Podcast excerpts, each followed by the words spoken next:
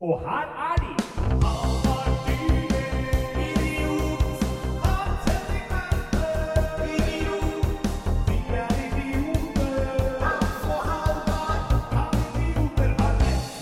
Kan. Ja, de ha rett? Det er Der var det mye Skål. ølskum. Der spruta det, som brura sa.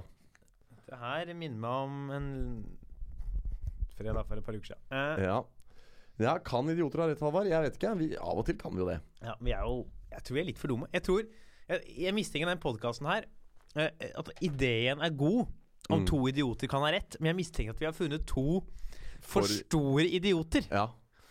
Og de finner ha noen litt mer intelligente mennesker før Ja. dette her er vitenskapelig mulig å gjennomføre. Vi var ganske gode første sesong, da. Det var jo egentlig nå forrige sesong at vi liksom Ja, da, var, var vi, da var vi dårlige. Ja. Rett og slett eh, sånn rent eh, Rent sånn um,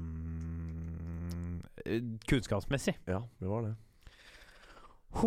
Det har vært Ei uke. Ja. Det har, Ja. vært, det. det har faen meg vært ei uke. Altså, vært der. Ja. Ekstremt fuktig helg. ja, da har du det. Ja. Ja. Jeg har hatt en veldig Så det har ikke bare vært ei uke, men det har, det har virkelig vært ei helg. Ja, jeg har hatt, vært på ganske hard fyll Ja. siden eh, torsdag. Ja. Nettopp. Eh, Litt på, litt på onsdag. Ja. Altså tirsdag ja, Da husker jeg ikke hva som skjedde. Nei. Det skal være litt sånn. Ja, Men det skal ikke det? Ja. Jo, det skal være litt sånn. Skal være litt sånn Jeg var, hadde Jeg hadde Sant eller usant på torsdag Stemmer det.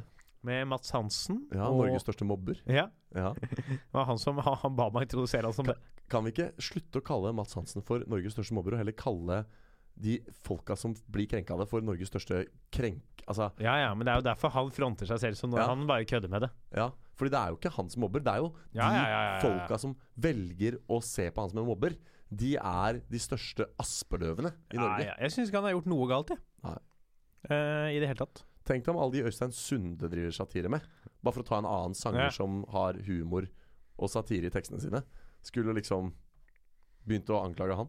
Ja, det er bare tull, vet du. Bare tull. Ja, Bare tull! bare Det er det. det, er det. Vi har Ja. vært eh, Vi kommer jo rett fra det andre teatret.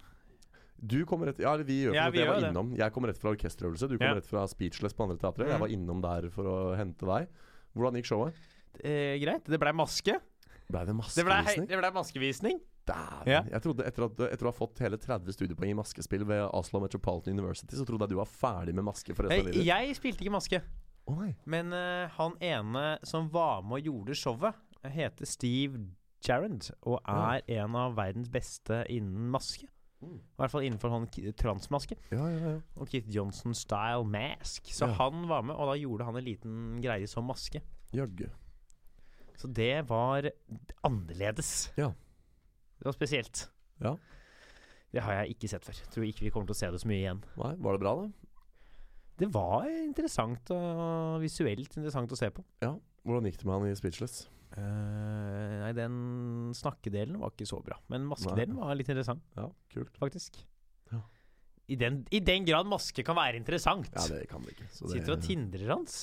Jeg sitter og sviper til venstre på Tinder. Nå, er, nå spiller vi en podkast, ja, kan ikke du tindre jeg- Jeg har jo skyhøy simultankapasitet. Jeg kan gjøre masse på en gang.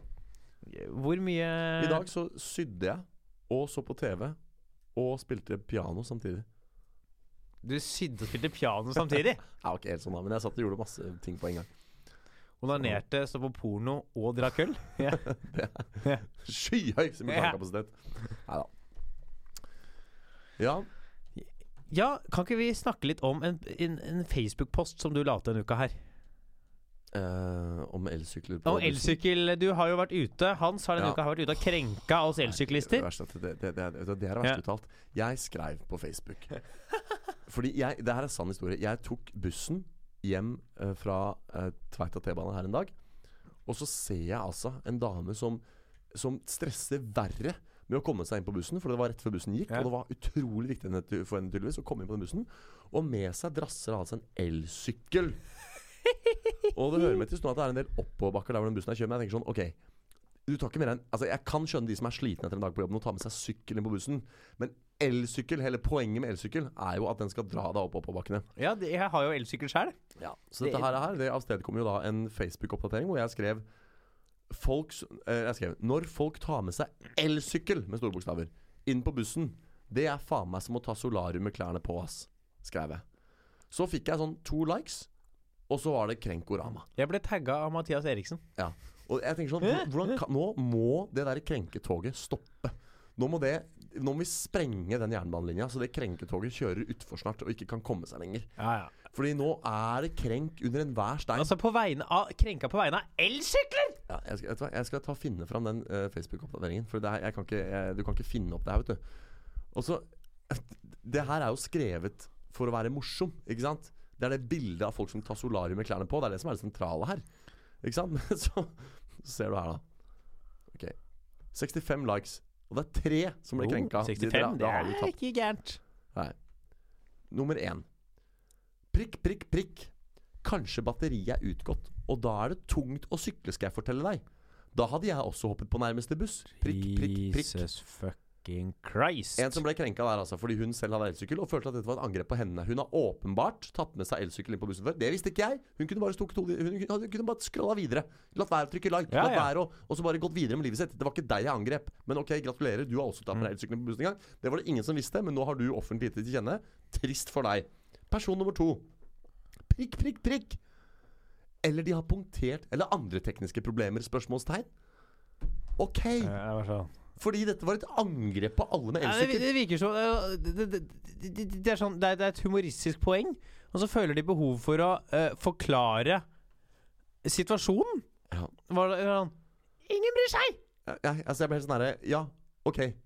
For det første, jeg ba ikke om en rasjonell forklaring. Dette var et, en post i humorens øyemed, Ja, ja. eh, som også forklares i den veldig høye antallet likes og latterreaksjoner. Men for det andre Liksom Ja. Nei, nei, jeg blir bare helt sånn satt Nei, ut av at Jeg orker ikke. Nei, at de skal komme med de forklaringene. Jeg, sånn, jeg, også vet at det kan ha vært eh, et, et flatt batteri. Men jeg støtter frem det. I dag mener jeg da kan du fortsatt trille eller Altså sånn Det mener jeg, da. At du Ja. alltid kan trille sykkelen opp. Den er ikke så jævlig tung, liksom. Jeg testa elsykkelen i stad. Du klarer å Alt sånn til sides. Ja. Gitt at det er, det er litt tyngre å sykle på fordi de er tunge Ja. og tungt å trille. Men, men det, er sånn, det er sånne folk som føler at når noen kommer med en spøk, så må de liksom forklare hvorfor det gir mening. Istedenfor å bare være sånn Ja, det var en artig spøk. mm, Og så gå videre. mm. Det, det, det, det skjønner jo ikke på sånne folk. Nei. Jeg var og gjorde en jobb jeg har på dette her Ja, for noen uker siden. For et, teknojobben. eh, i, for et ikke navngitt eh, firma. Ja. Eh, det var en annen jobb. Eh, Ja. Og eh, der var det det gikk bra, og alle likte det. Og så var det så gøy Jeg tulla litt med at eh, denne ikke navngitte bedriften, foretaket, hadde veldig mange rare kurs. ja. Eller mange kurs, da. At noen av de var litt sånn hadde ikke noe med det de dreiv å gjøre. Nei. Så jeg hadde en del vitser på det og viste om de kursene. Og så kom det bort en ansatt der som jobba for dem etterpå, og liksom var veldig fornøyd med jobben. Men som følte da at han måtte forklare at det er grunnen til at vi har så mange kurs, er fordi det er så mange underavdelinger.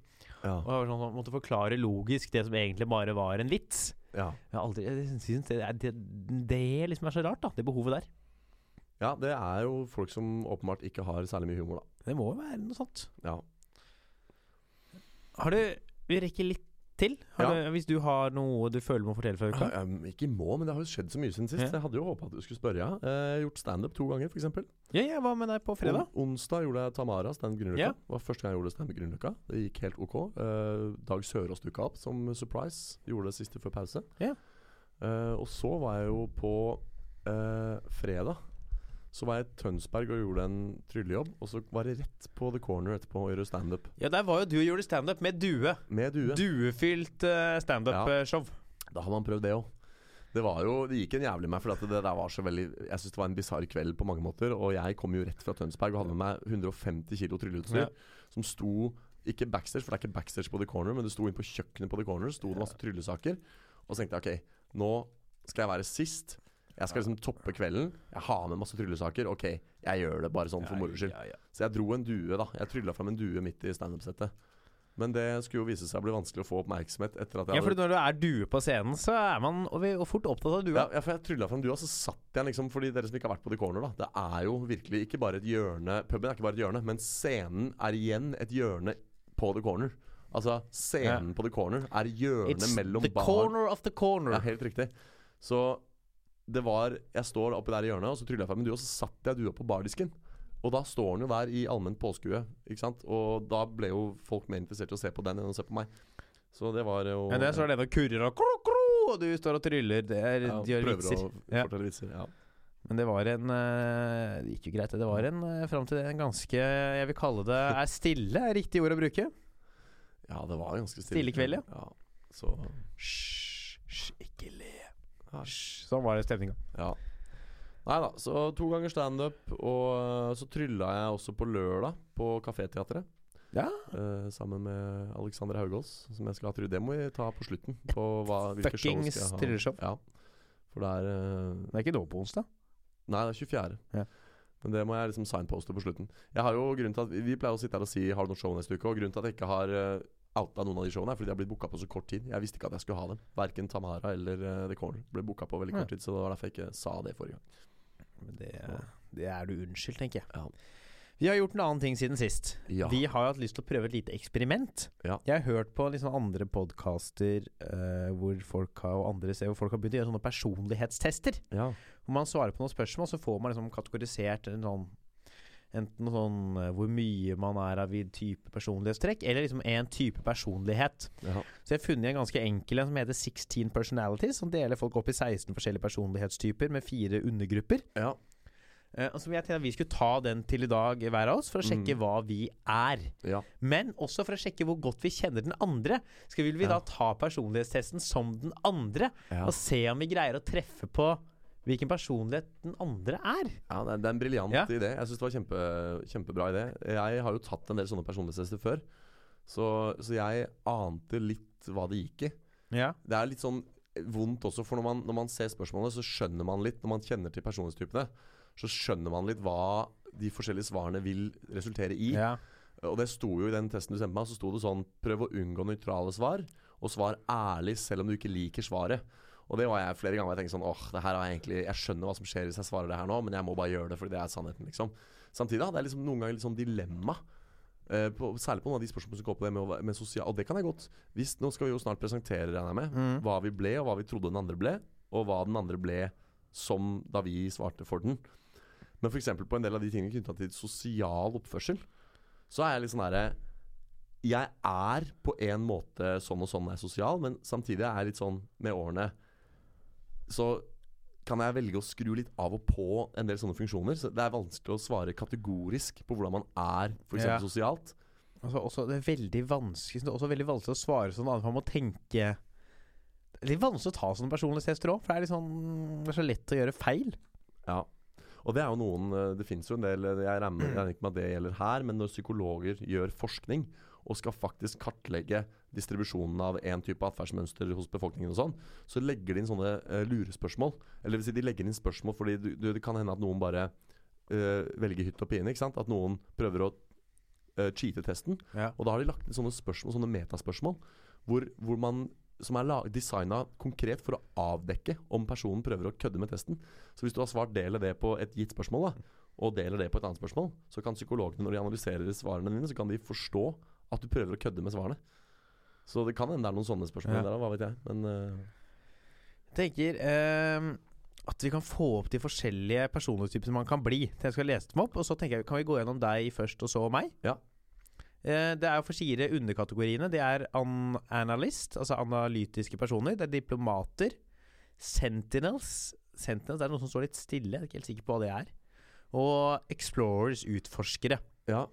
Jeg har jo norske versjonen her, hvis du vil. Ja, det er jo mye du, jeg skjønner ikke hvorfor du har den engelske. Ja, Den kom bare på engelsk hos meg. Nei, jeg følger linken jeg fikk av deg, så kom jeg rett til den norske. Oh, ja, jeg, kommer, jeg, jeg, jeg har ikke visst ikke at det var norsk, jeg. Nei.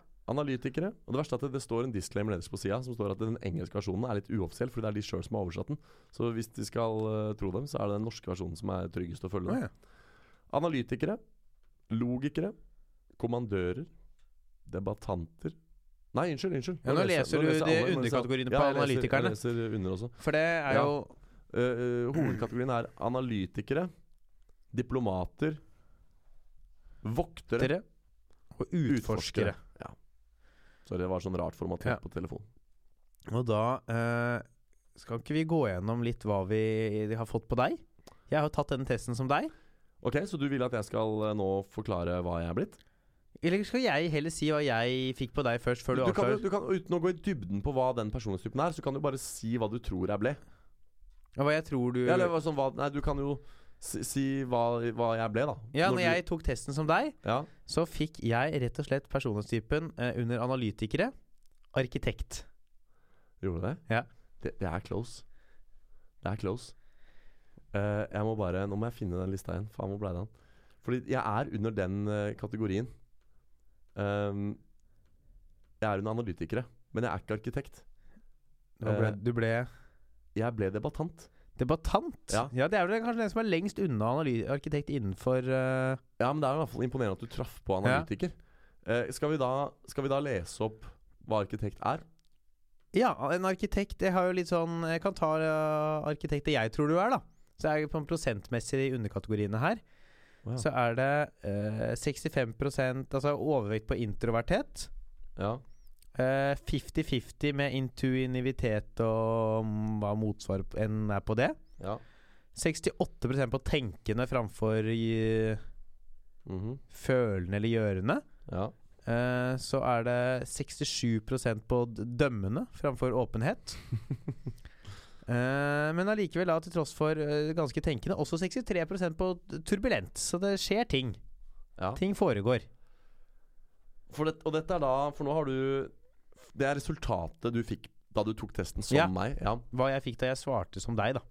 Fordi jeg tenker vi må For at lytterne våre skal henge helt med på hva dette innebærer, så bør vi også lese opp hva arkitekten er, og hva Ja. debattanten er. Men jeg kan, jeg kan ta og først vise deg fasiten, da. Eh, hvis du er interessert. Ja. For her har du liksom Der Her er debattanten, ja. Så det jeg fikk, var um, 69% ekstrovert framfor introvert. ja. Så der er vi veldig forskjellige. For jeg fikk jo deg som veldig introvert. Ja, og der, der jeg har noen kommentarer, for det gjelder det sosiale. Fordi du ble kjent med meg for liksom to år siden. Og det er det jeg mener med at i voksen alder så er jeg blitt veldig sånn Hvis ikke jeg gidder den kvelden, så kan jeg velge å liksom bare være for meg sjøl. Eller dra tidlig hjem, eller skru av. Ja, og det vil jo jeg kalle introvert. Ja, men samtidig så er jeg jo sånn For jeg er jo i utgangspunktet Altså jeg mener jeg er jo medprogramleder i en podkast. Jeg har jo mye å by på. Og jeg er jo egentlig som menneske Hvis jeg måtte liksom sto med en pistol mot hodet og måtte eh, si om jeg var ekstrovert eller introvert, så ville jeg jo gått for ekstrovert. Det er bare at jeg liksom Jeg er blitt Mange av de settingene du og jeg er sosiale sammen Ja. i, så kan jeg finne på å liksom trekke meg litt, da. Jeg mener at det er litt å være introvert. Det er ikke nødvendigvis at man har et problem med å være sosial. Det er mer at man også ikke nødvendigvis har et behov for det til enhver tid. Kanskje, kanskje, men, jeg, men det her er litt av det jeg mener med vanskeligheten. For da jeg satt og svarte på det, så var det to ting jeg liksom måtte tenke på. Det ene var hvordan er jeg i dag? Hvor, liksom, hvordan var jeg? For jeg har som sagt Jeg har tatt noen sånne tester før. Ja. Og tidligere så, så var det mye mer åpenbart for meg liksom, hvor på den skalaen jeg var. Og, og der har jeg liksom sett en endring med årene. Og det tror jeg er mer en sånn En, en, en valgt, en tillært greie. Mer enn liksom en Ja. Ja. Kanskje er det interessant når vi tar den liksom for hverandre, at uh, det for første er litt vanskelig uansett om man kan få litt rare svar. mm. Og det kanskje den, det man tar selv, er sånn man selv føler det er. Og så kanskje den andre siden er mer sånn som det framstår at det er, på et eller Ja, annet vis. definitivt. definitivt Og jeg, det var det var Ja. andre jeg tenkte på da Da jeg svarte på de spørsmålene, tenkte jeg å her kommer Halvard garantert til å rapportere motsatt. Fordi at det, igjen, du ser meg i en veldig spesifikt utvalg sammenhenger. Du ser meg på skolen, så ser du meg på standup-scenen før og etter show, og et par sånne settinger. Men det er veldig mange steder du ikke ser meg, som er Mhm. f.eks. sånn familiefest, orkesterøvelse. Altså, det er, det er mange andre Jeg har et ganske sånn mangefasettert liv. Og det er mange settinger du egentlig aldri har sett meg i, hvor jeg også oppfører meg helt annerledes, da. Men det er jo så rart at du kommer på så uh, mye på introvert på meg, for jeg har jo møtt deg Et av spørsmålene var jo Do you get energy from meeting other people? Ja. Og det er jo et typisk ting man jeg gjerne da uh, Har jo møtt deg etter sånn orkesterøving og sånn, Ja, så den satte jeg ganske høyt på. ja ikke sant? Som er jo litt rart at du faktisk har endt opp på såpass kraftig introvert egentlig på den testen jeg tok. Ja. Men da er det jo mange spørsmål som Ja. påvirker det utfallet, og det er ikke alle som er helt åpenbare heller. Men vi, vi må gå videre. Det andre var energi. Uh, var det ikke det? Eh, turbulent, den nederste. Det er enten assertive ja, eller Her ser du de norske, da. For meg så er det energi. Hva er det har så på den nederste her? Det er eh, energi, ja. ja. Der fikk jeg intuitiv på Det er 50-50 fikk jeg på deg der. Ja, der har jeg 55-45. Så det er ganske bra. Det er ganske likt. Ganske bra. Den tredje er da natur, altså nature, sikkert. Ja. Hvordan, hvordan, hva heter den hos Eh, Hos den, eh, det er den som går mot om du er tenkende okay, ja, eller eh, Og der hadde du 68% tenkende. Ja. Ja, ja, ja. Jeg hadde Fasiten er 76. Så det er enda mer. Det er enda mer, ja! Ja. Jeg hadde tenkt Ja, det, det er såpass, ja. Men, men så kommer jo den derre taktikk, da.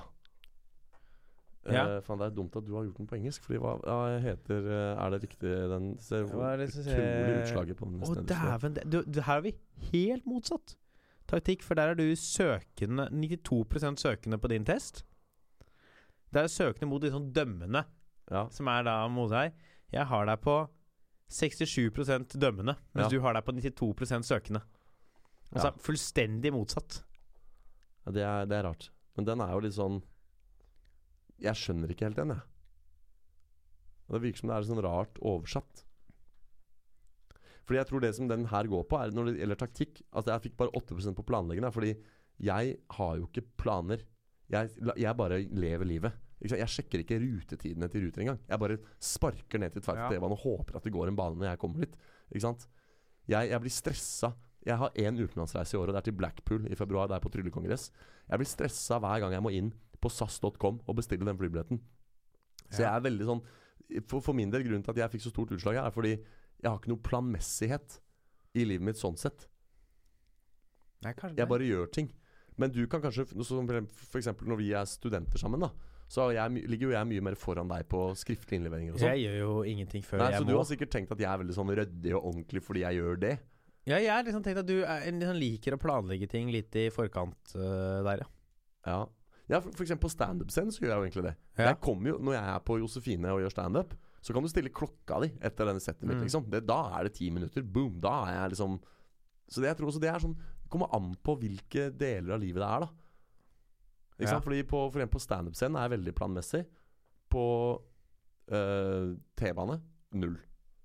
Ikke sant? Er... Så, ja. øh, Så det er interessant Ja. igjen da, hvordan vi assosierer. Jeg har liksom tenkt på noen ting, og du har tenkt på andre. da Og så på den neder siste øh, personlighetstrekket der. Den heter hos meg identitet. Ja, og der har vi vel omtrent nøyaktig samme svar, ser det ut som. For du har fått at du er forsiks, forsiktig slash selvsikker. Ja, turbulent heter den hos meg. Ja. Mot assertive. Uh, jeg lurer på om den står motsatt vei hos meg. Uh, Kanskje. Identity Faen, så teit at det var på forskjellige språk, da. Ja. Uh, men jeg har det i hvert fall på assertive. Er ikke det Hva er hva, hva, assertive? hva het den andre, da? Turbulent mot assertive. Jeg, synes, jeg tror ikke turbulent er en oversettelse av noen av disse. Turbulent er ikke en oversettelse for selvsikker, og det er ikke en oversettelse for forsiktig. Uh, men det er jo samme trekket, det er bare litt dårlig oversettelse, tenker jeg. Ja. Men der ser det ut som vi har uh, tu- Turbulent er jo For det er med at man bare gjør ting. Mens assertive er litt mer som om man vil være sikker i det man ja Man nei, jeg har i hvert fall 68% på forsiktig. Ja. Ja ja, men det ser ut som det var uh, Det er interessant. Der er det noe av det samme. Ja. Jeg er ute og går. Faen, så teit at det var forskjellig språk! Så rart at du fikk norsk og jeg fikk engelsk. ja, særlig fordi jeg fulgte den lenken du sendte meg. Jeg har visste ikke at det gikk an å få den på norsk engang. Men eh, jeg er liksom redd for om vi, om vi er litt sånn i villrede nå på Skal vi bare kjapt lese hva Fordi nå ser vi på prosentandelen innafor debattant. Ja. Men det må være interessant for folk å vite hva debattanten er. Skal vi bare Ja. lese det som står? ja, i hvert fall sånn i stikkordsform. Ja, fordi det står jo masse her, men jeg kan bare ta de første avsnittene. da Debattantpersonlighetstypen er den ultimate djevelens advokat, som lever av å rive i stykker argumenter og tro, og lar båndene fly i vinden så alle kan se. I motsetning til de mer besluttsomme personlighetene gjør ikke debattanter dette fordi de prøver å oppnå et dypere formål, formål eller strategiske mål, men ganske enkelt fordi det er morsomt. Ingen elsker prosessen med mental sparring mer enn debattanter, siden det gir dem en sjanse til å øve på sine uanstrengte, raske svar, store kunnskapsbase, kapasitet til å sammenkoble uforenlige ideer og bevise et poeng. Jeg vil ikke sånn umiddelbart si at jeg eh, f.eks. har en stor kunnskapsbase eller har så utrolig mange raske svar. Men det er jo noen ting med dette her jeg kan si meg enig i. Ja. Og som jeg, røpt, som jeg sa til deg innledningsvis, jeg har tatt noen sånne tester før, og jeg blir den der hver gang. Jeg blir alltid han der debattanten. Kanskje det er det vel noe i det, da? Det må være det. Fordi, Ja. og, og igjen, altså, jeg er egentlig som sagt litt uenig. Eh, særlig nå, i, i en alder av 30, så er det ikke alle de tingene her jeg identifiserer meg så veldig mye med lenger. Men jeg får alltid den når jeg gjør de testene. Ja. Så sånn er det. Da, det er jo også et Det er ligner litt på akkurat hva det står om arkitekten her også. Det er, noen, det er ganske like personlighetstyper. Ja, ja, det var det også, ja. Vi Ja. må komme inn på selvfølgelig At den du trodde jeg ble. Bare ta kjapt og lese Det den Det er jo, står uh, Arkitekter utstråler selvtillit og en mystisk aura, og deres innsiktsfulle observasjoner, originale ideer og formidable logikk lar dem gjøre endringer med ren viljestyrke og personlighet. Det står litt mot det at man står sterke i debatter der òg. Ja. Til tider vil det se ut som at arkitekter er besatt av å dekonstruere og gjenoppbygge hver idé og hvert system de kommer i kontakt med. Det der kjenner jeg Du er veldig opptatt av å analysere eh, hvordan man går frem på DTK, eh, så her er det jo noe i. Ja. Og de bruker perfeksjonisme og til og med moralitet i dette arbeidet. Alle som ikke har talent til å holde følge med arkitektens prosesser, eller enda verre ikke ser hva poenget er, vil sannsynligvis umiddelbart og permanent miste deres respekt. Vet du hva, jeg, når du leser om arkitekten da Jeg syns dette treffer bedre. Så Ja. jeg sånn Jeg tror kanskje heller jeg er Ja. Fordi som jeg akkurat sa Jeg identifiserer meg ikke nødvendigvis med alle de trekkene på Ja, debattanten. sånn, ja, dette er jo ganske Men- men opp- treffsikkert, er det ikke det? For når Ja. du leser arkitekten, så blir jeg sånn Ja, jeg kan, jeg kan være enig i en del av de tingene. Og da er vi tilbake til det der utrolig interessante spørsmålet du reiste i stad. Når jeg svarer på testen, så svarer jeg kanskje ut fra hva jeg tror, mens du svarer ut fra hvordan jeg persiperes Ja. av andre. Altså hvordan jeg oppleves av dere rundt. Og kanskje på en del ting det er mer treffsikkert, da. Fjell, ja, ja. Det er, Og igjen, som ja. du sier at han er analytisk. Kanskje jeg sitter som analytiker og ser på testen og tenker sånn Å, hva mener du med det spørsmålet her? Vil du at jeg skal svare det? Vil du at jeg skal svare det? Og så kommer hele den analytiske greia inn nettopp og fucker med svarene mine òg, ikke sant? Kanskje det. Jeg tror det må være noe sånt nå, altså. Eh, skal vi rett og slett gå videre til meg? Vi må Ja. videre her. Dette her er interessant at det er Dette her er det noen interessante ting. Ja. Det med at det var kanskje det er lettere Kanskje man bør ta, alltid få andre til å ta testene sine på personen ditt. Eller, eller da rett og slett forskjellig utvalg venner. At ikke Ja. bare For igjen, jeg står fast ved det jeg sier. Du kjenner meg fra veldig spesifikke deler av livet. Kanskje det var interessant, for man skulle fått liksom noen andre venner til å ta det for Ja, oss Du i måtte tillegg. fått, eh, som Norstat sier, et representativt utvalg. Jeg måtte fått liksom deg, mora mi, søstera mi, eksen og mine fremtidige barn til å ta den testen på Ja, mine vegne, og så sett. Det har skjedd siden sist, forresten. Jeg har blitt onkel for andre gang. Fy fasken. Ja. Dæven. Lillebror har blitt far til en liten jente uh, natt til i dag, så det er hyggelig. Hva, Um, hva fikk du meg som? Jeg fikk deg som eh, den siste Den gule kategorien. Ja, I den nederste? Ja, den- For det er også da jeg fikk meg selv. Gjorde det? Ah, det er, Ja. det er bra. Det vil si, Halvard, Ja. vi jobber, jobber Ja. bra nå. Begge har truffet på Type. overkategori. Ja. Så typen, hva heter den igjen? Den gule der. Uh, det går litt nett litt tregt hos meg her. Jeg klarer ikke Nei. Ek, uh, Utforskere. Ja, Utforskere. Jeg fikk deg som utforsker, Ja. og jeg fikk deg som gründer. Jeg fikk entreprenør, som er den nærmeste Det er gründeren! Det er norske oversettelsen av entreprenør. første Ja, ja, vi har samme. Har jeg truffet? Vi har, det er samme personlighet. Utrolig! Ja, det er jeg- det er samme. Nei, det, ok, Så det vil si at jeg kjenner deg bedre enn du kjenner meg? For jeg gjetta Ja, eller, riktig på deg. enten så kjenner du meg bedre enn jeg kjenner, eller så er Kjenner du meg bedre enn jeg kjenner meg? Ja, ja. Eller så er jeg bare nærmere hvordan jeg framstår og hvordan jeg oppfatter meg selv. Husker du hva jeg, det siste jeg skrev til deg på Facebook før jeg dro hjem fra i dag? Ja, du tror jeg skrev det. Jeg tror jeg traff eh, bra Yes. på deg. Jeg skrev det. Jeg tror jeg traff bra på deg, og det gjorde jeg faen meg. Jeg For her har vi faktisk landa på samme kategori. Men kan du se på prosentilen her, da? Hvordan det har gått? Skal vi se Du som har begge skjermene. Ja, du har faktisk fått litt andre, litt andre utslag på meg. Du har fått meg som Du har meg som 89 eh, ekstrovert. Jeg har meg som 67, så du har enda mer på ekstrovert enn jeg fikk. Ja, men du er iallfall over 50, da. Ja. Eh, Dæven, dette her er spennende, altså. Uh, vi ligger uh, veldig likt på energi. Realistisk kontra intuitiv. Mm. Uh, her er vi veldig Der er jeg på 59, du er på 63. Logisk fokusert. eh, der har du meg på 83, jeg har meg på 67. Så vi er samme Jeg tror også det er fordi jeg sliter med å ta i på de trekkene. Ja. Jeg tror det er derfor det er litt mindre. Fordi de jeg syns det er så bastant å si den øverste. ja. Uh, så det kan nok være at uh, det er riktigere det du har fått. For jeg, bare fordi jeg al- vei alltid tar sånne tester. ja. For jeg syns det er så mye å trykke Ja. ytterst. For det er sånn Ja, men det fins vel noe mer, tenker Ja. alltid jeg. ja.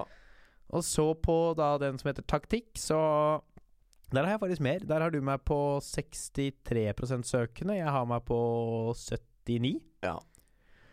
Identitet, der har du meg på 92% selvsikker. Jeg har meg på 78. ja. ja. sånn, etter å ha hatt Det er så mange ganger du og jeg har vært ute og gjort standup sammen. Og jeg har vært sånn Ja, men Halvard, er du aldri redd for om du ikke er morsom nok eller ikke er flink nok? Og du er bare sånn herre Nei, altså, man må jo bare Man må jo bare kline til. Man må bare gå Ja. på scenen og bare gjøre det. Man må bare stå på scenen så mye som mulig. Og du virker så jævlig selvsikker på de greiene der, da. Men tror jeg det er noe fordi jeg er jo veldig på de greiene der. Ja.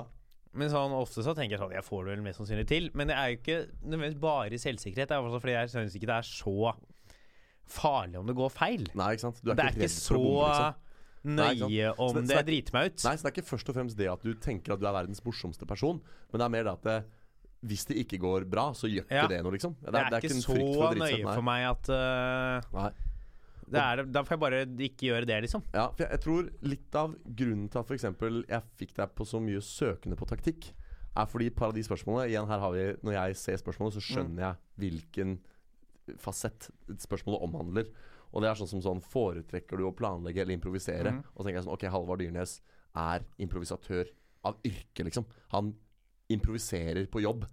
Selvfølgelig. Og da trykker jeg maks på Ja, for akkurat den hadde jeg også maks på på meg sjæl. Ja. For det er jo sånn jeg, har- Det er litt latskap òg. Ja, Du improviserte jo skriftlig eksamen i forrige i Maske. Altså Du hadde fire uker på å skrive den artikkelen, og du Jeg brukte vel en uke Jeg Ja. til det var en uke igjen, ja. Ja, ikke sant? Så du har jo i praksis improvisert fram en skriftlig ut, akademisk eh, artikkel. Jeg var- hadde en god karrieremodus på Fifa gående, så Ja. jeg tenkte at det var mer interessant.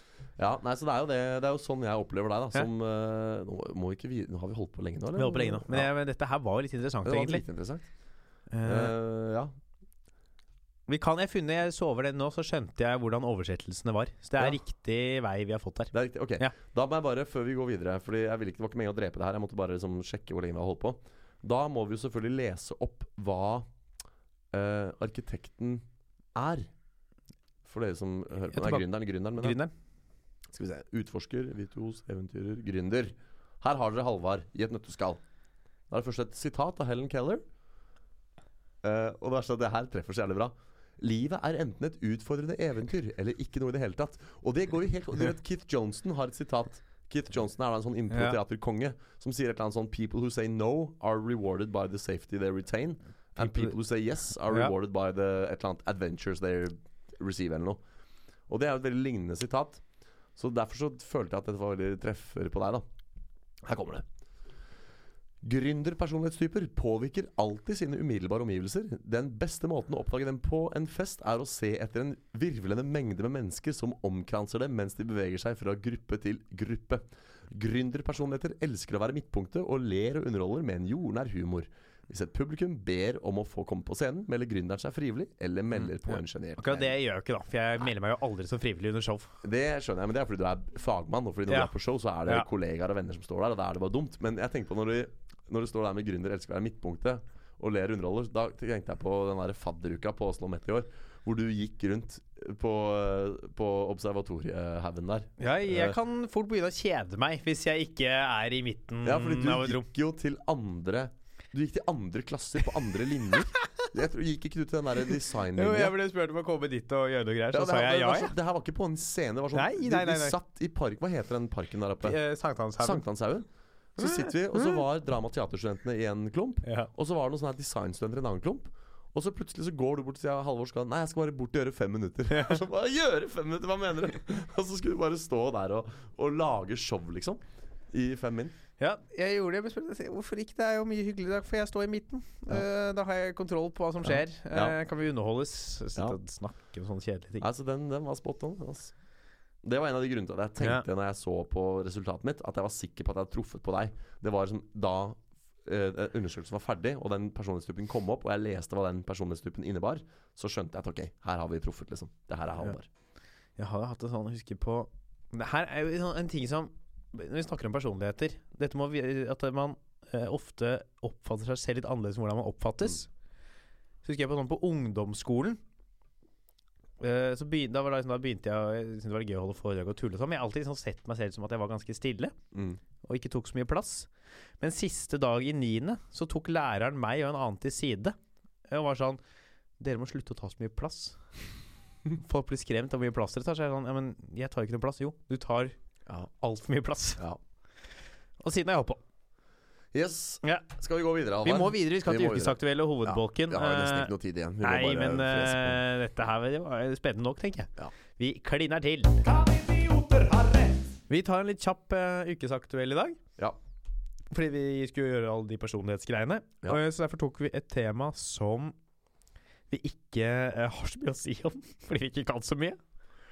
Eh, som rett og slett er om det blir nyvalg i Sverige. Det passer jo bra, det. At vi Ja. ikke har så mye å si om det. Vi ligger jo litt bakpå her, så det uh, for det er uh, sånn at uh, ta kjapt politikersystem i Sverige. Uh, de velger et storting sånn som vi gjør i Norge, bare det er dobbelt så stort. mhm.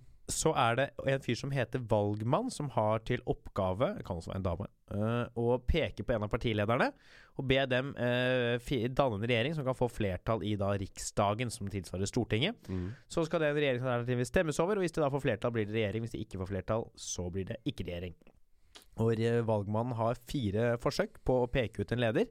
Og Hvis ikke det går i løpet av de fire forsøkene, så blir det nyvalg. Det har aldri blitt nyvalg, men man tror det kan bli det i år pga. Sverigedemokraternes såpass høye prosentandel at ingen vil samarbeide med dem. Er Sverigedemokraterna det som tilsvarer liksom Arbeiderpartiet i Norge? Sverigedemokraterna er det som tilsvarer eh, et godt stykke til høyre for Frp.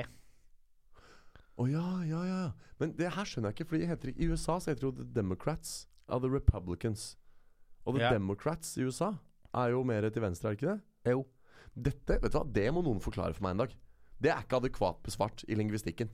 Nei, det- det- det, det ordet 'demokrat' på svenska betyr til høyre for Frp, men på American så betyr det Arbeiderpartiet. Ja, det, er, det har jo ikke alltid vært sånn heller. Først var republikanerne til venstre og demokratene til høyre. Ja, det er For det var jo, demokrat, det var republikanerne eh, med Lincoln som kjempa for å bli kvitt slaveriet Ja. og frihet for mennesker, mens demokratene sto på andre siden. Og så har det snudd. Ja. I tillegg så er fargene motsatt i USA. det. I- Det er forbanna irriterende. det også irriterende. hørte jeg han der Frank Aarebrot før han uh, havna seks fot under, hadde en forklaring på det. På hvorfor Jeg husker jo selvfølgelig ikke det, men hvorfor det er motsatt i USA. At høyresida er rød og venstresida er blå. Det er forstyrrende. Det er veldig forstyrrende. Så sånn er det nå i alle fall. Ja. Uh, og da er det spørsmål om vi tror det blir nyvalg der, om de greier å danne et regjering med flertall. Hva tror du, Hans? Eh, Altså, jeg tror jo ingenting. Jeg har ikke noe grunnlag for å tro noe, for jeg, jeg vet jo ikke noe om dette her. Men jeg får jo lyst til å spørre med en gang. Valgmann, er det liksom noe vi har sett andre steder? Har de, har de det i USA? Mm, nei, For, for jeg, Når du forklarte det systemet for meg nå, så ble jeg sånn Dette føler jeg at jeg har hørt en eller annen gang før. Valgmann. Ja, men valgmann eh, De har ikke det systemet, men man har noe man kaller for valgmenn i USA. Som Ja. er noe annet. Ja, valgmenn, ja. Ja. Så valgmenn i USA er ikke det samme som valgmann i Sverige. Nei, for Men har, valgmannssalonger, det er fortsatt et sted hvor det spilles show. det er fortsatt et sted hvor eh, skuespillere går for å eh, henge seg, ja. Ja. hvor Bårdal-studenter går for å dø innvendig. Ja, ja, Det er helt riktig. ja. Så det er ikke valgmann, men det er valg. Nei, det er valg, ja Det er viktig å få på den G-en. ja. Det er, eh, det er flere liv som blir spart, da. Ja. Ja, nei, jeg, jeg liker jo å slå et slag for underdogen her. Og underdogen er jo alltid det kontroversielle. Ja. Det har aldri blitt gjort et gjenvalg. Da får jeg lyst til å si at det blir gjenvalg. Fordi en dag må det jo skje. Ja, ja, Man har den mekanismen for en grunn. Noen smarte hoder satte seg ned en dag og fant ut hvordan valgsystemet og regjeringsvalgsystemet i Sverige skulle fungere. Og så lagde de en failsafe-mekanisme på at hvis ikke vi blir enige på fire forsøk, så er det gjenvalg. En vakker dag må jo den paragrafen utløses. Jeg er helt enig, for jeg tror det samme. Og det virker så forvirrende. Jeg har, hørt, jeg har ikke hørt på mye, men de, de, de folka jeg har hørt som uttaler seg om dette politikere, sier sånn det er umulig, for ingen vil samarbeide med Sverigedemokraterna.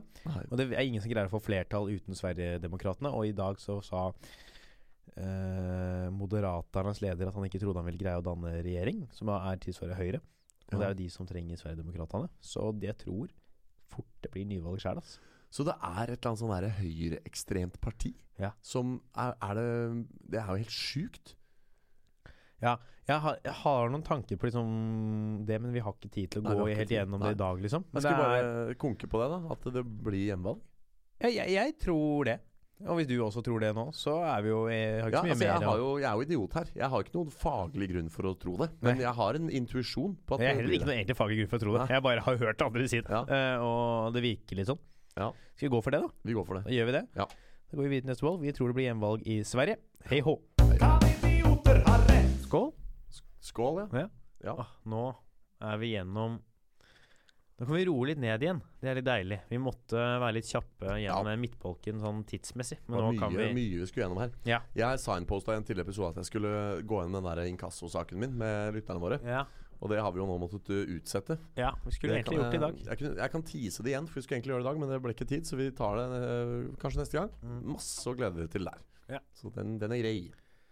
For vi skal snakke nå om øh, Dere veit jo hva det er, for dere har sett uh, tittelen på episoden. Om det kommer Ja. noen nye eh, sånn revolusjonerende teknologiske gjennombrudd eller oppdagelser. Mm. Jeg må finne en smoothere tittel til episoden, sånn at det, folk Ja, faktisk ja, hører på. Det finner vi.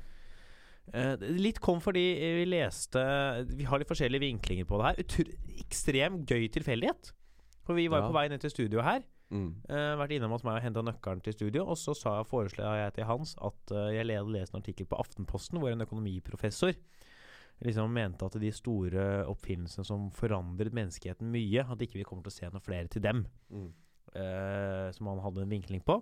Og samtidig så hadde du tenkt på dette med økonomiske Nei, teknologiske utviklinger på doen tidligere i dag. Ja, jeg sto i pausen på orkesterøvelsen og liksom slo lens, og så tenkte jeg på liksom det hvordan man med ny teknologi, da, og særlig smartphones og sånn, så kommer det masse nye businessmodeller, masse, mange nye potensielle eh, virksomheter og, og gründere via liksom smart, altså Du kan ha en app for trening, du kan ha en app for altså du, du kan alltid ha en app for et eller annet. da Og så tenkte jeg sånn Ja, og kult at det er masse nyskapning innenfor Ja. det, men, men fins det Og da, i forlengelsen her, så tenkte jeg sånn Er det uh, Fins det noe annen type nyskapning for tiden som vil Eller, eller er det bare knytta til uh, Det var egentlig ganske sånn uh, Det var ikke en veldig konkret tanke, men jeg bare ble stående og tenke på hvor mye liksom, kan man egentlig finne opp? Ja.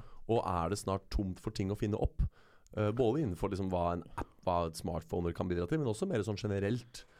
Um, For dette er jo et litt generelt tema, men Ja. jeg syns det er en interessant diskusjon. ja. Fordi ta i-smarttelefonen, da. Mm. er jo en uh, oppfinnelse på mange måter jeg, jeg mener den forandrer hvordan vi lever livene våre på. Mm. Fordi den har gitt oss alt vi trenger i én dings. Mm. Først kommer internettet, så kom PC-en, Mm. så kom telefonen, man kunne ringe til hverandre. Mm. Og så kom det én ding som man kan ha i lomma og gjøre alt det på, være i kontakt med alle. Det forandrer litt hvordan vi lever livene våre. Så det vil jeg kalle en oppfinnelse som forandrer menneskeheten. Selv om han Gordon var uenig i det. Han mente at elektrisiteten var den forrige oppfinnelsen som hadde en betydning. Ja, det blir jo sånn definisjonsspørsmål av hvordan man velger å definere det. Men, men jeg tror stadig han har et poeng. Og øh, jeg tenker jo der at øh, Det var litt sånn knytta til den tanken jeg hadde i dag òg. At eh, jeg tror ikke de som fant opp telefonen, eller kanskje enda mer spesifikt de som fant opp smarttelefonen, kunne på en måte forutsi eller vite hvor Nei. eh, livsforandrende den kom til å være. Hvor skjellsettende smartphone kom til å være for menneskeheten. Fordi igjen, som jeg sa, hva kan du lage en app for? Det er nærmest bare fantasien som setter grenser. Du kan ha en røykeslutt-app. Du kan ha en app som gjør at elsykkelen ikke starter hvis ikke telefonen er mer enn ti meter i nærheten. Du kan ha en app som finner telefonen din hvis den er stjålet. Ja. Appene gjør alt mulig, de, og de gjør helt forskjellige ting. Uh, og uh, det tror jeg ikke den første personen som tenkte ut konseptet smarttelefon, var klar over. Hvor mangefasettert liksom app-tilbudet kom til å bli. Ja, det var Ja, det, jeg ser det. Ja? Og, og det så, og det, det også, Men det er jo megetsigende om spørsmålet i seg sjøl. At liksom Hvis det er så vanskelig å forutsi hva en dings kan gjøre, hvor vanskelig er det ikke da å forutsi om det fins en neste store dings? Skjønner du? Mm. Og, og så er det eh, de tingene som er på vei nå, da. Mm. Som man liksom vet kommer, det er VR, altså virtual reality. Ja. Så er det augmented reality, som er liksom ting som Ja. får ting inn i virkeligheten. Pokémon Go er jo litt inn i det. ja. Og så er det in, eh, kunstig intelligens i forskjellige former. Mm. Eh, og jeg, jeg, tenker, jeg tror ikke liksom VR-greiene kommer til å forandre måten man lever livene sine på. Nei, men, men der er vi, ikke sant Jeg er veldig glad for at du sier akkurat Ja. det. For der er vi akkurat tilbake til det jeg nettopp sa. Når man har en teknologi for hånden, eller en så, eh, ting som er i ferd med å realiseres, så kan man sitte nå og tenke Jeg ser ikke for meg hvordan VR skal kunne forandre livet. Men så plutselig, når VR blir dritbra og veldig utbredt, så kommer det masse VR-applikasjoner. Masse måter å bruke VR på som vi ikke kunne forutse. Som er sånn Ja, selvfølgelig er det eh, livsendrende på den og den måten. Samme som da han første som lagde smartphone, tenkte jeg ser ikke helt hvordan eh, smartphone skal bli livsforandrende, men det er noe, den er kobla til internett, den kan ringe, den kan gjøre forskjellige ting. Men den blir ikke livsforandrende. Og så, etter at smartphone liksom ble allment, så begynte man Så kom det, ikke sant? Ja, jo. Men for å komme med mitt med det, da. Sånn, det kan godt hende at du har rett her. Eh, Men at VR er ikke noe som gir Jeg vil si at det, det er en, eh, Det det gir, da, er mulighet til å gjøre Det er mye dataspill. Mm. Det er mye mulighet for å se filmer på. Mm. Og det er litt mer som Jeg er helt enig i at det liksom gå fra en PlayStation 1 til en PlayStation 4 forandrer jo livet i den form at jeg kan spille bedre dataspill. Mm. At med, jeg med VR kanskje kan spille bedre spill, eller ha en bedre filmopplevelse. Men det vil fortsatt Ja. bare være et spill eller en filmopplevelse mot kontra eh, smarttelefonen, som har gjort at man kan ha tilgang på hele verden ved eh, et tastetrykk. Sånn. På en gang. Ja, nei, det, det er sant. Og da Ja. har du noe med, liksom, med, med omfanget, med, liksom, med nivået, sånn sett. da Jeg, jeg hørte på en podkast en gang hvor det ble nevnt at liksom VR kunne brukes masse innenfor arkitektur, f.eks. Det, det har jeg hørt, eh, er det Joe Rogan du hørte det? Jeg tror kanskje det var På? Jordsmonn, Yes. Ja, faen, jeg har hørt samme podkast. Ja, Henrik Fladseth sin. Ja. Uh, men, men ikke sant, altså det er, det er mange sånne jeg, jeg tror kanskje, kanskje ikke, da, her og nå, at man kan se for seg den samme umiddelbare utbredelsen blant folk flest, men at det kommersielt og i, i businessverden kan ha masse, masse uh, uh, påvirknings... eh, eller eh, utfall, da. Som mm. uh, f.eks. innenfor arkitektur. At den som har designa huset, kan ta med seg kunden inn i huset før det er ferdigbygd. Og se eh, virkelig har du, ikke sant? Hvis, For tenk deg det, da. Du skal overtale en klient. Ja. Velg oss, vi kan designe det huset her. Og så kan du basically vise fram huset til kunden før det er bygd. Og han kan få lov å gå inn i det og se hvordan huset blir. Ja, Og så da begynner vi å snakke litt mer ting som forandrer uh, Ja. arbeidshverdag og sånn. Og det er det jeg mener at der har du liksom en litt sånn åpenbar greie. Og så sitter vi og tenker sånn Ja ja, men da er det liksom forbeholdt business og store firmaer. Men for oss, for deg og meg privat, så har det ikke noe Men, men det er der jeg tror igjen at liksom sånn Man må nesten bare lansere det, og så må det få gripe om seg, og så må det bare få leve sitt Og så kommer det, Fordi det er um, vanskelig å, å igjen forutsi, da. Hvilke potensielle gullgruver som ligger der ute. Som, som er umulig å forestille seg nå, men som blir åpenbare når Ja. dette det, det, det, det, som er interessant med dette spørsmålet vi tar opp i dag, er fordi man, jeg føler alle generasjoner har tenkt det samme. Ja. Jeg har med Dette er sånt spørsmål som det her. Har jeg sånn snakka med om pappa om, eller mamma eller Mm. besteforeldre. Det var sånn, ja, dere tro, Hvordan trodde dere at verden kommer til å se ut om liksom 50 år dere vokste opp? Mm. Og det var sånn, Nei, vi trodde ikke det kom til å komme så mye mer. Vi fikk jo kjøleskap. Mm. Tenkte at det var toppen av utvikling, liksom. mm. Det er den utrolig uforutsigbarheten i den teknologiske utviklingen. Men allikevel så er det så interessant å snakke om, tro, om vi tror det kommer noe mer nå, liksom. Det er, Ja, for det er sånn- derfor jeg tenker at Han der fyren som forfattet den artikkelen der, han går ganske høyt ut ja. når han på en måte eh, formaliserer den tanken om at eh, nå er vi kommet til toppen. Fordi som du sier, da Alle teknologiske paradigmer har tenkt at de var på toppen. Alle teknologiske paradigmer har tenkt at nå kan man ikke teknologisere mer. Nå har vi funnet opp alt. Så kommer det en revolusjon og uh, snur helt opp ned på det paradigmet for et nytt paradigme, hvor det blir sånn Ok, men nå er dette toppen. Og jeg tror på mange måter at dette er trivielt. Historien må gjenta seg. Men når han uh, går ut og sier det, så bør han ha jævlig gode argumenter for det. Han bør ha tenkt mye på dette her før han går ut og sier det. Uh, men kanskje han har rett. Kanskje fordi, på, i, sånn som vi var inne på i stad, altså, et sted må jo ting stoppe. Eh, ikke sant? ja. Eh, For eksempel, ingen kommer til å løpe For å ta en metafor. Ingen kommer til å løpe 100 meter på null sekunder. Uh, en eller annen dag er den siste verdensrekorden satt. Og kanskje en eller annen dag er den siste liksom uh, store uh, For det, den dagen kommer jo sikkert. Så det kan jo hende den kommer nå. ja. Jeg tror noen kommer til å løpe 100 meter på 7 sekunder en gang. Ja, men ikke null. Nei, det er sant. Så men jeg vil, jeg vil lansere en annen tanke her, da. Som er Jeg hadde en diskusjon med en kompis for en del år siden om liksom hvordan uh, I gamle dager gikk det mye tilsynelatende mye kortere mellom alle disse uh, store uh, omveltningene. Og det var også mange Ta for eksempel Leonardo da Vinci. Ja, at det var mye store Ja, og de gjorde mange ting. Ta Leonardo da Vinci han var en fremragende maler. Han var også liksom matematiker og fysiker. Mm. Og han designa nesten et, et operativt fly. Og han, altså Alle de tingene Leonardo da Vinci drev med. Og da er spørsmålet Fantes det så jævlig mange flere smarte folk før som kunne så mange ting? Eller var bare terskelen for å bli god lavere? Skjønner du? Ja. Og, i mange og da var det han kompisen sa på meg at det- han, han er fra Iran, så han sa det på engelsk. Han sa det, The age of the polymath is over. Og en, en polymath er altså en som gjør mange er, er liksom ekstravagant på mange ting. Og da sa han det at eh, denne polymathens tidsalder er over. Og det er jo netto, Og det er jo egentlig ikke diskuterbart, fordi det Nei, er vi er jo inne i et spesialistsamfunn hvor man må ha veldig spesifikk kunnskap om et veldig lite område for å kunne være god i det området. Nettopp. Og det er jo det som for eksempel, Hvis du bygger en PC i dag, så er det veldig få som forstår hele PC-en. Men alle de som har vært med å bygge den, forstår sin del. Noen forstår hardware, noen forstår software, noen forstår elektronikk. Noen forstår, skjønner du Det er mange eksperter inne og hjelper til å bygge et, eller et fly. ikke sant? Eh, tenk deg alle de tingene som må til for å bygge et fly. Noen forstår aerodynamikk, og noen forstår den intercomen som de kommuniserer. ikke sant? Og det er ekspertsamfunn. Og det er jo nettopp en konsekvens av at vi har utforska og forska så mye. Vi vet kollektivt sett så mye at nå kan man ikke være ekspert på mer enn én ting lenger. Skal du klare å være ekspert, så må du være det på Ja. én ting. For det var jo de gamle grekerne eller sånne folk. De var liksom, de kunne de var matematikere og filosofer. Som i, i, i dagens samfunn er sett på som to motsetninger. Ja. Man ser på sånn matematikk og filosofi er jo sett på sånn Det kan vi ikke holde på med samtidig. Nei, og tenk deg bare Aristoteles, som jeg, før jeg begynte å studere drama og teater, liksom forbandt med retorikk Ja. og samtalekunst og ars retorica og de greiene der. Og så viser det plutselig at han, er, han var en av de viktigste personene for å liksom navngi mekanismene i teatret. Ja. så han var det også, liksom.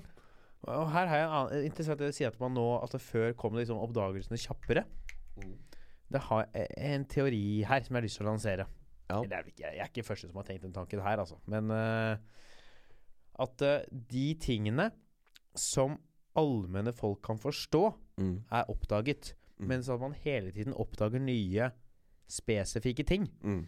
Som ikke liksom allmenn, vi oss allmenne folk greier å forstå. At det Mm. derfor ikke kommer ut i media i så stor grad. For eksempel hvis man ser på fagfeltet fysikk. Mm. Fagfeltet fysikk, det var veldig pretensiøs ting å si. Uh, men hvis man ser på fysikken, da. Så ta Newton sine lover. Ja. Eh, var jo lenge veldig anerkjent Jeg liksom sett på de store oppdagelsene innen fysikk, og man har nesten ikke kommet på noe som er like stort innen det. Man har jo egentlig det. Man har jo kommet fram med mye innen kvantefysikken. Mm. Man fant Higgs-bosomet for uh, ti år siden, som liksom Mm. beviser det faktum at vi kan ha en masse. Mm. Men de tingene er ikke så allment kjent fordi det er såpass avansert at du må ha en ganske spesifikk skolebakgrunn Mm. For å forstå at vi har kommet i et samfunn pga. at vi har blitt litt mer eksperter på ting. For at en oppdagelse skal få allmenn kjennskap, så Mm. må det være noe folk kan forstå før man greier å relatere til det. Og det er litt vanskeligere nå. Og at det derfor virker som det går lengre tid mellom man oppdager ting. Ja, altså dette er jo et veldig interessant Ja. tema på mange måter. Jeg, jeg får lyst til å kaste en av mine beste venner under bussen her, faktisk. Og det er uh, Wolfgang Amadeus Mozart. Fordi han også er eh, et eksempel da, blant mange. På, en av dine beste venner. ja, han, han og jeg, vi er best buds. Er det, er, Eh, går, drar du og drar, drikker øl med han på rett nei, men det er sånn Uten, Jeg, jeg, uten invitere meg? jeg leste en artikkel en, her en dag om en sånn her eh, Hvor et av spørsmålene var sånn Hva ville du gjort hvis du hadde en tidsmaskin? Og det er sånn Jeg vet så jævlig hva jeg ville gjort hvis jeg hadde en tidsmaskin. Jeg hadde dratt tilbake, og så har jeg tatt en flaske rødvin med Mozart. Og så har jeg dratt tilbake til barokken, og så har jeg tatt en øl med Johan Sebastian Bach. Det er, sånn, det er et par av de der jeg bare har lyst til å møte og bare liksom høre med. Og det er helt hånd i, i hånd med det vi snakker om her. Altså sånn Du kan ikke undervurdere Mozart sine uh, bestrebelser. Altså Det han opp, gjorde, var helt fantastisk.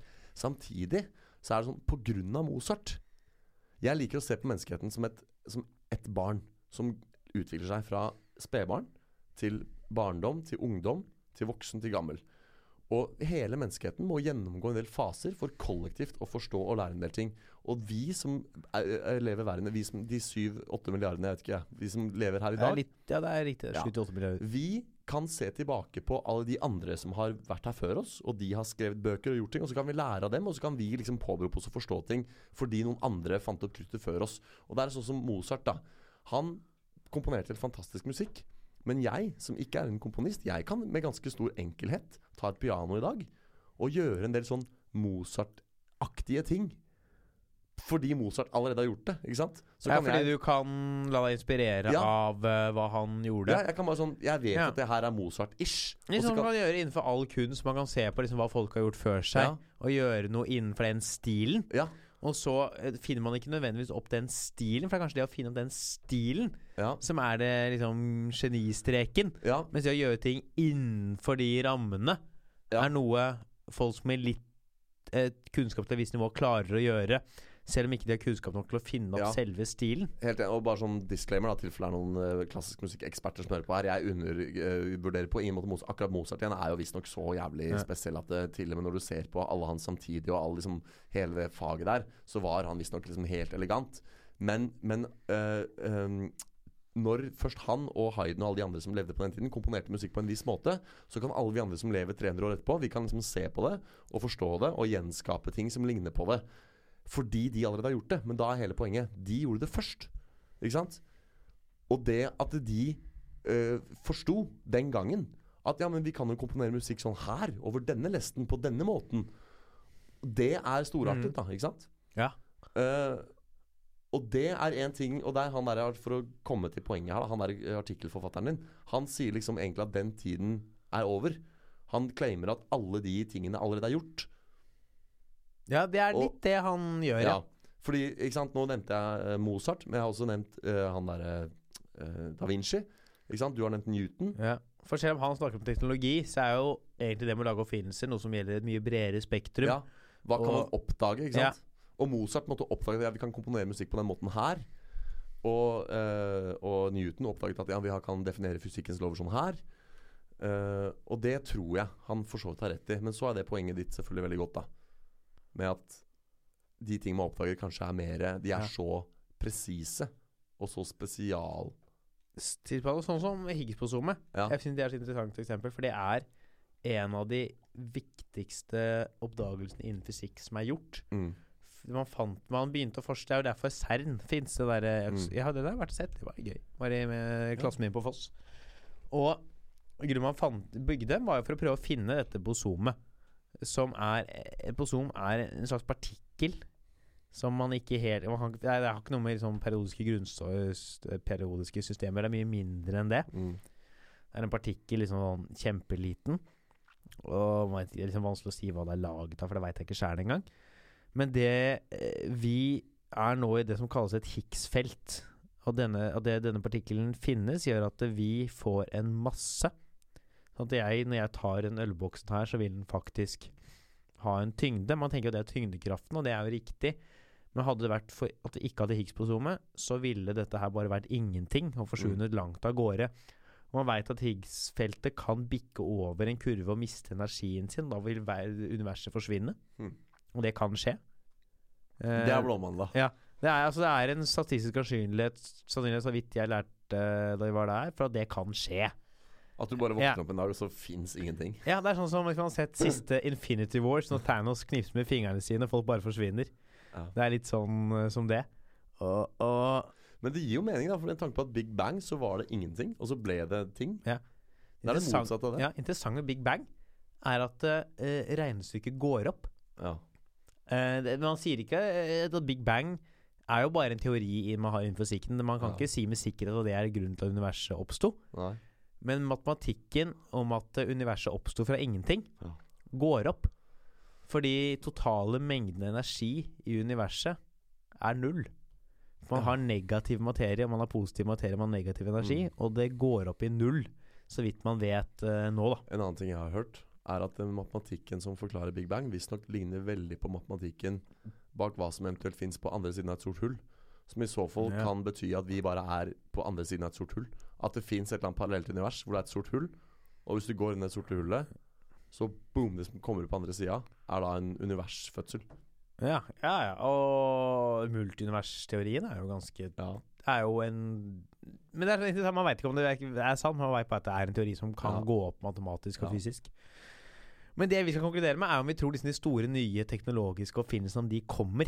Ja. Skulle ønske vi hadde lengre podkaster, for nå kunne vi ha snakka Ja, altså, lenge. ja, nå har, men nå har vi hatt så mye Ja. interessante temaer på bordet i dag at vi må Ja. jo bare kutte noe hjørner her, for vi må komme til poenget. Nei, jeg kunne godt snakka Jeg kunne godt snakka Jeg kunne snakka en time til om personlighetstestene. Jeg kunne godt snakka en time til om det her. Men vi har jo gitt oss selv en tidsbegrensning. Ja.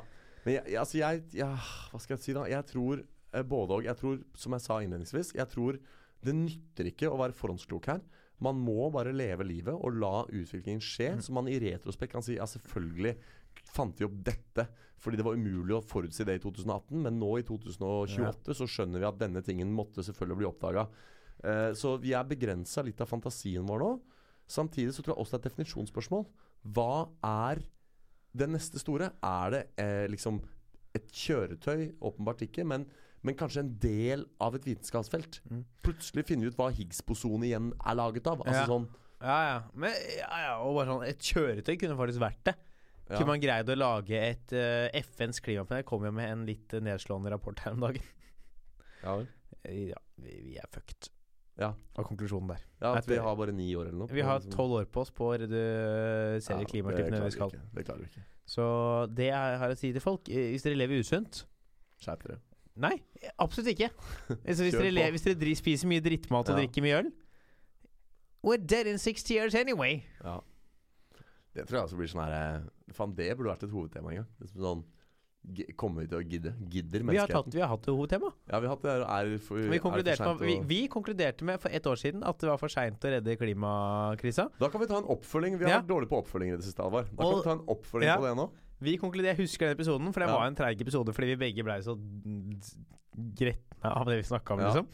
Og i forrige så kom FMNM-rapporten som er sånn Ja, vi er egentlig for seint ute. Ja. Så vi hadde mest sannsynlig da, så hadde vi rett på det. Det, det jeg tror da, bare for å konkludere med et tema som ikke er tema i dag, det er at vi kommer til et punkt hvor menneskeheten bare tenker sånn Ja, men hvis vi er fucked allikevel, så gidder ikke jeg å gjøre noe, i hvert fall. Nei, vi, er, vi, vi nærmer oss det punktet. For det, det vi trenger, er jo global dugnad. Alle må liksom begynne å kildesortere. Alle må begynne å kjøre mindre bil, ikke sant. Og Ja, hvis ikke alle gidder Ja, kildesortere er jeg enig men det vi trenger, er noen sier sånn Fra og med i dag så lag, er det ikke lov å ha kjøttdyr. Fra og med i dag så er det ikke lov å kjøre fossildrevet bil. mm. Fra og med i dag så er det ikke lov til å bruke fossilt brennstoff. Fra og med i dag. Det er det Mm. man trenger. Man trenger Og det kan de kolve, den teknologi vi snakker om. Har menneskeheten funnet opp sin siste store gjennombrudd innen teknologi? For at vi skal forhindre denne klimakrisa som FN forelegger, så må vi finne opp en ny ting. Den neste tingen, ja. Den neste tingen som, som forandrer oss. Ja. måten vi lever på, Mm. og som forandrer gr grunnleggende livet vårt, Ja. så må den tingen og et eller annet innen det komme.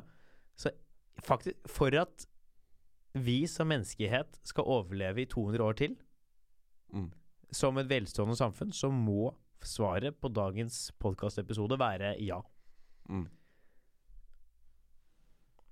Og jeg har ikke tenkt på det her siden før vi kom på det temaet her nå. Vi er jo en rase, en art, som har overlevd gjennom det meste. Vi er den eh, en art som har Vi har utoverlevd mange andre menneskearter. Vi er eh, Til tross de gjør mye dumme ting, i bunn og grunn det mest intelligente eh, levende vesenet vi kjenner til. Vi har mange idioter blant oss. Eh, ja. To av dem sitter jo her, så ja, ja. er grei. jeg, jeg, det ikke, jeg skal ikke redde oss, det kan jeg informere om med en gang. Men vi er samlet sett det mest intelligente levende vesen vi vet om. Eh, Vi vet ikke om noen andre romvesener som er noe smartere eller noe som helst. Og nå begynner det å skralte, Mm. og vi trenger at noe skjer. Så at det kommer til å så når vi, Jeg har ikke tenkt det før vi kom på det temaet mot slutten. At det kommer til å komme en ny, helt revolusjonerende oppfinnelse. Er på mange måter nødt til å skje. Og vi, jeg har litt lyst til å være litt optimistisk nå. Ja. og dermed gå for ja.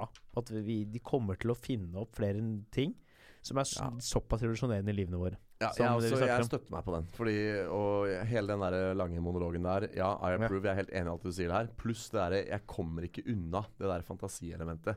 At vi sitter her nå og prøver å se for oss hva det kan være, og så klarer vi ikke. Men når vi kommer dit, så blir det åpenbart. Det er som man er på standup, og så ser man en komiker ha en litt bit, og så er man sånn Faen, at ikke jeg kom på det, liksom. Helt riktig. Ja. Helt riktig. Så Så vi går for ja, da. Vi går for ja. Så, grei, så greit. Og med ja så mener du At uh, vi kommer til å komme en teknologisk oppfinnelse som Ja. Vil forandre livene våre. Jeg skal finne litt mer snedig tittel å putte på episodenavnet. Ja, det. Men uh, det er på en måte det spørsmålet i hele Jeg merka at de lange titlene våre ikke får så mange lyttere. Og folk blir usikre på hva det er. Eh, så greit, er vi ferdige for i dag? Vi er ferdige for i dag. Har du noe show i uka som kommer? Uh, ikke som ikke er firmajobber. Nei. Har du noen anbefalinger? Jeg Jeg vil fortsatt anbefale jeg, eh, Ozark. Hva er det for noe? En eh, serie på Netflix jeg begynte begynt å se. Den er meget god. Så også sett på Lekene vi vokste opp med. Det er også en gøy serie. Ligger på Netflix. Ja. Har du noe? Jeg har eh, for dere For de av våre lyttere som bor i Sandefjord Ja, så faen, har du skal jeg- til eh, James Clark? Ja, jeg sammen med Rasmus Wold og mm, Kim Mikael Hafskjær og et par andre. Da må, det, det vil, jeg- da må dere dra. For det, er, det blir gøy. Ja, det blir gull. Da må dere dra. Det er en god gjeng. Det er eh, bra folk og kult sted. God stemning hver gang. det syns jeg Det synes jeg er en god anbefaling. Så det er faktisk både hva jeg Ja. skal eh, gjøre av show, og Ja. en anbefaling. Jeg Ja. vil slenge meg på å anbefale det, faktisk, for Ja. folk i Sandefjord. ja, nei, og det er vel egentlig det, altså. Jeg har ikke Ja. noe annet å Jo, det, jeg må jo få shout-out uh, fuckings trylleshow. på Ja, nye scene. det syns jeg vi må gjøre. Ja, Vi skal ha en podkast til før det, men jeg, bare, altså, jeg må gjøre alt jeg kan for å markedsføre Ja, det ja, showet. ja, ja, ja. Og det er Njø scene, Humor Njøs scene på Alexander Kiellands plass, i kjelleren på Colonel Mustard. Mm. Ta turen. Det er 24. oktober klokka åtte, tror jeg. Og ja, kjøp billetter. Det blir dritbra. Det er ikke veldig mange steder i Norge i dag du kan se trylleshow offentlig. Eh, så her har du en gyllen mulighet, og det blir dritgøy. Det er trylleshow i en setting du ikke har sett det før. Eller i en form du ikke har sett det Ja, før. jeg er på noen av møtene Jeg tror dette her kan bli en gøy kveld. Ja. Ja. Dette her syns jeg folk skal komme seg på. Bra. Da har du to anbefalinger Ja. der. Så hvis uh, menneskeheten lever så lenge, så er det en fucking trylleshow om to uker. Ja. Vi er tilbake om ei uke, eller? Vi er tilbake med Ja, ja, ja. Dere, ja, Hva heter vi på Instagram igjen? Er det Idioter podkast? Idioter podkast på Instagram. Kan Idioter ha på Facebook. Yes. Og så er det bare Kos dere. Hæ? Ja. Ta dere, ta dere en øl, og Ja. kos dere. Skål! Ja, skål! Er ikke det en god eh, outro? Jo, det er det. Skål! Skål!